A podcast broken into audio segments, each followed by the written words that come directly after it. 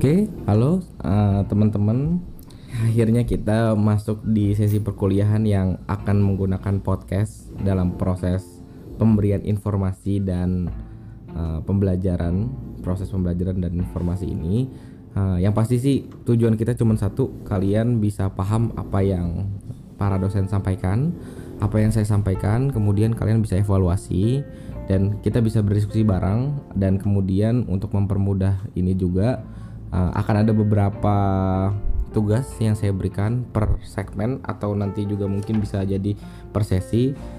Yang pasti sih intinya kalian memang harus paham apa yang saya berikan karena memang ini adalah tugas dari akademik yang memastikan bahwa para mahasiswa juga mengerti apa yang memang menjadi materi-materi pokok pembahasan dari dalam mata kuliah kita. Business Innovation and Communication Strategi yang kedua uh, setelah kita sudah ngomongin uh, yang sesi pertama waktu itu kita juga udah sempat ngomongin bikin produk bagaimana value dari produk tersebut. Kemudian sekali lagi saya mengingatkan di sesi pertama kalian bikin produk yang nanti bisa diajukan ke investor sehingga investor tertarik buat berinvestasi di produk kalian. Nah untuk yang sesi kedua ini kita akan lebih bahas soal soal gimana cara kalian mengkomunikasikan produk atau jasa kalian sehingga ini bisa diterima sama masyarakat secara luas atau mungkin secara yang tidak bakunya lah produk kalian tuh bisa laku. Nah kemudian untuk bikin produk yang bisa laku tentunya nggak nggak cuman kalian harus punya value dari produk tersebut tapi kalian harus benar-benar mengerti di mana sih uh, komunikasi yang tepat promosi produknya dan macam-macam lah yang akan kita bahas selanjutnya sesi pertama ini uh, kita akan bahas soal konsep pemasaran dulu dari beberapa sesi yang udah kita bahas uh, di yang pertama uh, saya akan ulang sekali lagi konsep pemasaran karena ini pertama kali saya juga untuk ngasih materi secara podcast. Semoga kalian bisa mendengarkan. Dan sekali lagi ini juga pembelajar buat saya bukan buat kalian. Karena dari sini sepertinya akan sangat uh, Penting buat saya untuk mengerti public speaking yang baik seperti apa, proses komunikasi, gaya bahasa, tekanan dari tiap kata atau kalimat, kemudian step by step omongan saya juga lebih terukur gitu. Jadi insight dari kalian mungkin akan saya perlukan juga dalam bentuk kuesioner nantinya gitu. Oke, tanpa per, tanpa berlama-lama, kita mulai saja untuk untuk yang pertama ini. Kemarin kita udah selesai di konsep pemasaran. Nah, kita ulang sekali lagi ya gitu. Jadi kalau boleh saya bacakan, pemasaran itu adalah serangkaian intuisi dan proses untuk menciptakan, mengkomunikasikan, melakukan pertukaran serta menyampaikan penawaran yang memiliki nilai bagi pelanggan, partner serta masyarakat luas. Oke, saya jelaskan lagi. Intuisi itu yang di sini in, di sini intuisi yang saya maksud adalah bagaimana kalian bisa menciptakan produk tapi tahu banget apa yang memang diinginkan oleh customer. Nah, intuisi ini juga akan sangat uh, harus dimengerti sama kalian karena biasanya kalau saya bikin uh, ngebrand sesuatu perusahaan di sini kita harus kayak berapa sih harga jual yang tepat kemudian marketnya yang seperti apa kemudian ini ditujukan untuk psikologis market yang seperti apa cara penyampaiannya gimana. Nah itu dimaksud yang kayak uh, ketika kalian punya usaha jasa atau produk ketika kalian nggak bisa memainkan intuisi ini kalian produknya nggak akan bertahan lama gitu. Ini jelas banget yang terjadi di rekan-rekan saya yang cuma punya usaha 1 sampai tiga tahun karena mereka nggak bisa berintuisi soal ini gitu. Dan kalau ngomongin intuisi pedagang kaki lima atau pecel lele pinggir jalan pun bisa jualan gitu loh. Kenapa sih mereka bisa jualan tapi bisa laku dan bisa survive katakanlah 10 tahun kemudian bisa menafkahi tiga atau sampai lima anaknya dan punya rumah di kampung gitu loh ini bukan berarti dia ngerti konsep atau materi soal bisnis, tapi menurut saya intuisi bisnis dia udah dijalankan sejak pertama kali dia usaha.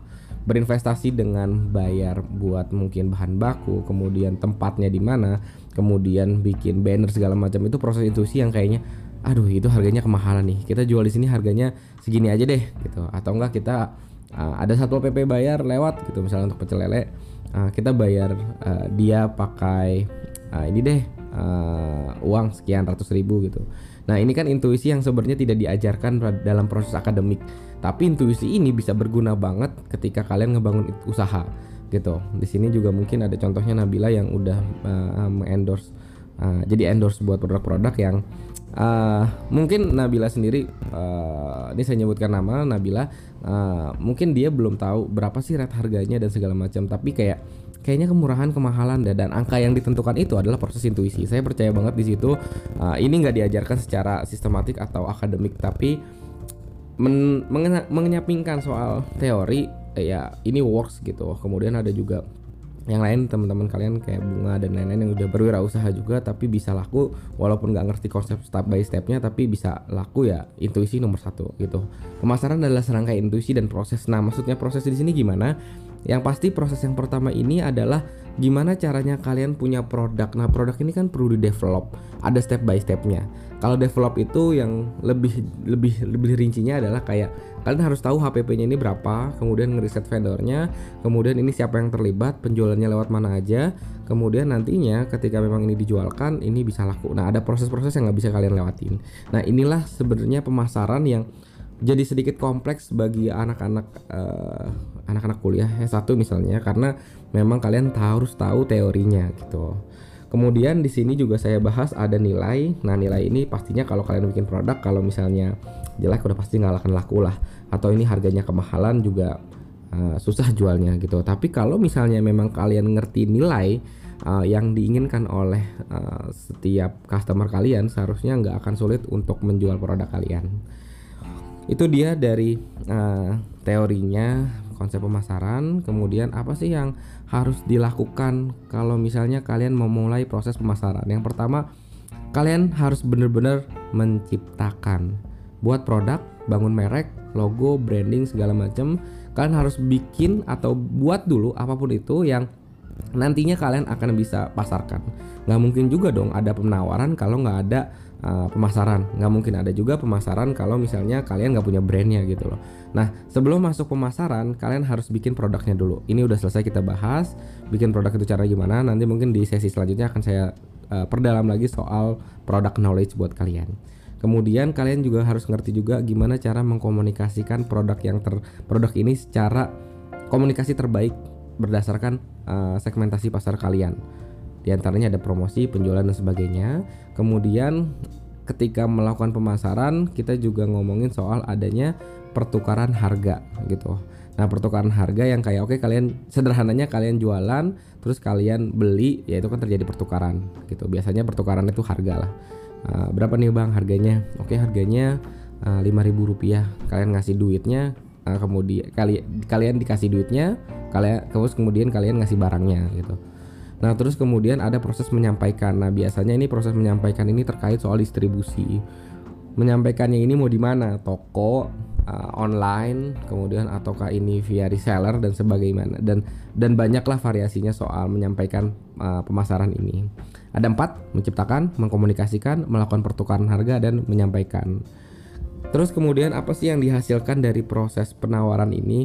Ya biasanya yang dihasilkan kalau misalnya ini dalam bentuk promosi karena saya biasa terikat sama branding dan ngebantu uh, rekan-rekan saya juga untuk bikin uh, perusahaan.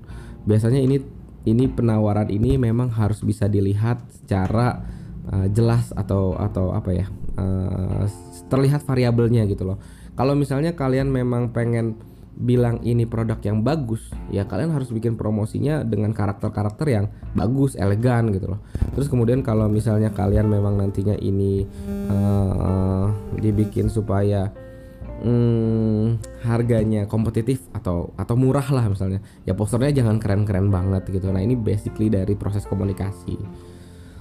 Oke, selanjutnya uh, kita ngomong kalau udah selesai pemasaran, pikirin juga siapa sasarannya. Nah, sasarannya di sini yang pasti pelanggan produk atau pengguna jasa, kemudian ada partner. Uh, kalau misalnya partner ini biasanya kalian akan ngomongin soal bisnis to bisnis. Uh, barangkali produk kalian itu tidak ditujukan ke customer langsung gitu.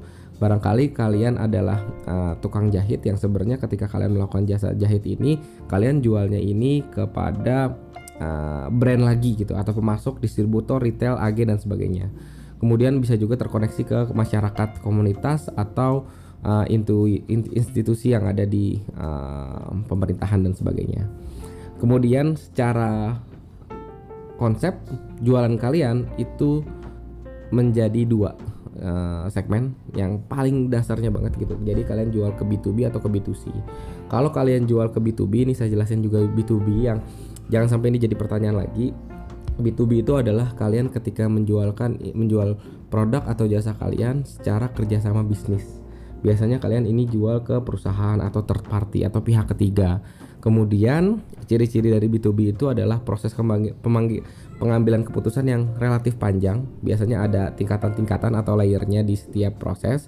Kemudian uh, ingin diedukasi dan difasilitasi oleh para ahli. Artinya kalau misalnya kalian jualan, oke okay, kita bisa bikin uh, jembatan nih buat menghubungkan antara kota A dan kota, ke kota A dari kota A ke kota B gitu.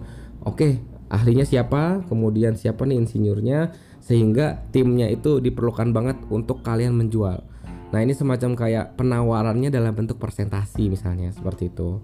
Kemudian biasanya B2B ini nggak lengkap kalau misalnya kalian nggak mengedukasi market tersebut atau ke perusahaan tersebut.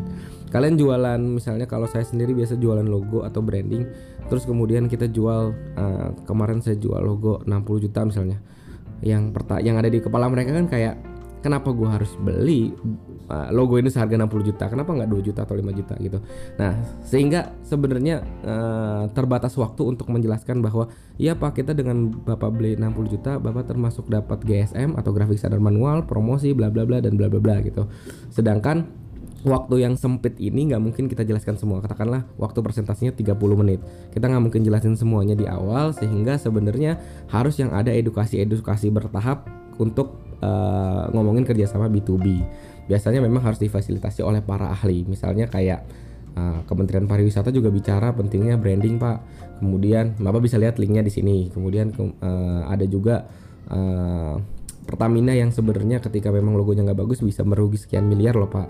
Kemudian BNI 46 yang kalau saya tahu ketika memang ini sudah uh, tidak relevan logonya ya ini mungkin yang uh, tidak sesuai dengan target market kalian. Karena kalau saya boleh cerita sedikit BNI 46 itu logonya itu uh, 4 itu seperti layar, 6 itu kalau nggak salah seperti perahu. Jadi dulu tuh BNI itu diciptakan untuk banknya para nelayan sebenarnya. Karena Indonesia itu di di di adalah kepulauan maritim lah ceritanya kayak gitu. Dan nelayan-nelayan tuh butuh bank cerita, cerita kayak gitu. Sedangkan kalau misalnya pakai lagu yang dulu kayak loh uh, masyarakat luas tuh lebih besar loh sasarannya daripada nelayan. Contohnya kayak gitu. Jadi kan kita harus ngasih tahu dulu nih ke edukasi bahwa uh, logo ini bisa mahal karena memang uh, ada ada ada treatmentnya loh ngerjainnya ada proses berpikir di dalamnya. Nah terus kemudian biasanya ketika ngomongin B2B kalian akan sedikit logis dan rasional ketika memang ketika memang ini dipasarkan. Kemudian harus punya uh, jargon industri. Ini kalau di slide kalian bisa ngeliat di slide-slide awal di halaman berapa ya?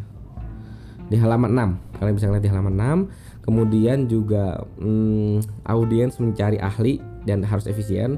Kemudian kontennya harus informatif gitu. Nah, ini nilai tendernya besar banget B2B dan akan sangat rumit. Kemudian ada juga B2C atau business to customer. Kalian jualan produk, connect langsung ke customernya. Nah, dan ini yang kayak ciri-cirinya adalah kalian menjual ini langsung ke personal. Terus kemudian pengambilan keputusannya itu pendek, gak sepanjang B2B karena ini berdasarkan keinginan dari si individu tersebut. Jadi kalau misalnya dia ada rasa cemas atau kayak bisnis kecemasan kayak sekarang tuh, uh, nanti kalau kalian nggak bimbel, kalian nanti nggak lulus ya gitu itu kan jadi kayak ada proses kecemasan dan kayak ini langsung oke okay deh kita mau uh, les di sini gitu loh kemudian ingin memenuhi kebutuhan biasanya mendasar berguna fashion sandang pangan papan eh, B2C itu seperti itu biasanya uh, produk yang dijual. Kemudiannya ada dorongan hasrat emosional. Nah ini menarik kalau misalnya bisa diterjemahkan ke dalam konsep visual. Emosional itu seperti hasrat status biaya gitu. Malu dong ketika kalian memang udah jadi mahasiswa S1 terus kalian adalah seorang yang intelek tapi ternyata uh, kalian masih uh, katakanlah nggak punya tools tools uh, fashion yang bagus gitu loh. Dan ini jadi kayak oh yaudah deh gue beli dan sebagainya kayak gitu. Kemudian biasanya memang kalau jualan ke B2C itu uh, bahasanya mudah dimengerti diskon 20% uh, free ongkir barang dan free ongkir, uh, dan ongkir, ongkir itu kayak cuma 50.000 70.000 dan sebagainya. Kemudian biasanya audiens memang uh, mencari penawaran yang menarik dan bentuknya hiburan gitu. Itu B2C gitu. Kemudian kontennya menghibur. Biasanya TikTok juga. Nggak mungkin dong orang jualan bisnis to bisnis itu pakai platform TikTok untuk berjualan gitu. Kita pengen ngebangun branding. Silahkan pakai branding kita tapi kita pakai platform TikTok atau Instagram. Susah banget gitu. Sedangkan kalau misalnya perbedaan dari ini sebenarnya tuh kalian pasti udah tahu. Cuma tadi saya menjelaskan secara detailnya aja. Sehingga kalau nanti uh, di tengah jalan kalian memang udah bisa punya produk ke B2B atau B2C kalian bisa menjelaskan ini secara rinci ke pelanggan kalian.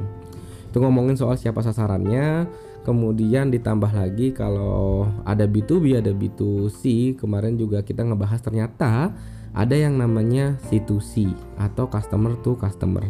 Nah ini sebenarnya uh, bentuknya platformnya biasanya online ya karena ada Tokopedia kemudian Shopee dan lain-lain udah kita bahas semuanya itu ngomongin uh, customer to customer gitu.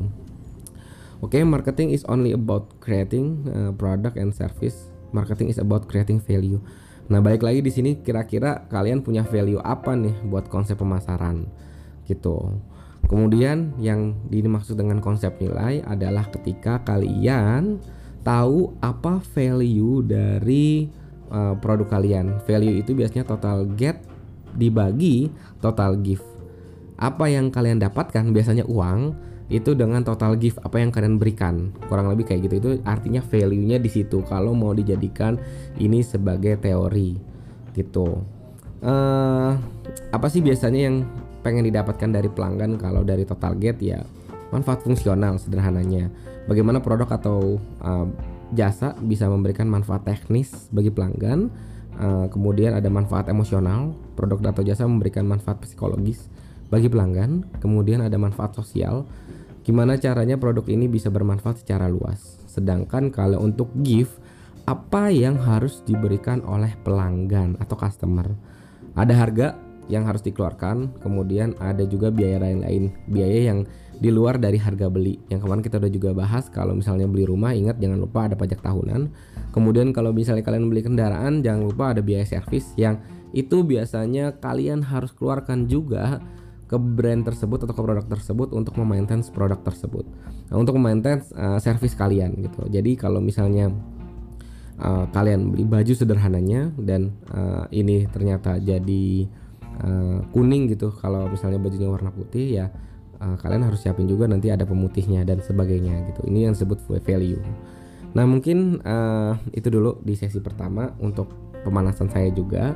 Yang pasti saya pengen ngasih tahu yang uh, ini menarik banget uh, pernah saya kasih contohnya juga tapi boleh ya saya ulangi sekali lagi jadi ini jadi teringat kalau misalnya ada teman kalian yang minjem uang ke kalian uh, itu sebenarnya kalian sudah melakukan uh, pertukaran pertukaran value lah. Yang kalau mungkin teman kalian minjem duit satu juta dong gue minjem duit satu juta atau seratus ribu lah atau lima puluh ribu gue pinjem duit dong. Gitu. Terus kemudian uh, kalian memberikan uang tersebut gitu. Sebenarnya kalian kan ini udah terjadi pertukaran di dalam diri kalian. Yang diberikan sama kalian uh, adalah uh, apa namanya yang diberikan sama kalian adalah kesedihan kalian yang teman kalian itu mendapatkan uang uh, eh, mendapatkan mendapatkan uang. Jadi uh, teman kalian mendapatkan uang uh, dari dari kalian uh, teman temannya teman kalian mendapatkan uang. Kemudian yang kalian jual adalah ya kesedihan. Temannya dapat uang gitu. Jadi jangan bilang kalau misalnya uh, kalian menjamin uang kayak ya udah dia yang dapat gue nggak dapat apa-apa. Enggak ternyata kalian sudah menjual kesedihan kalian uh, atau kalian sudah menjual rasa iba kalian gitu. Mungkin sampai situ di sesi satu nanti kita lanjut di sesi eh di segmen ini selesai segmen segmen satu nanti kita akan masuk ke segmen dua. Oke terima kasih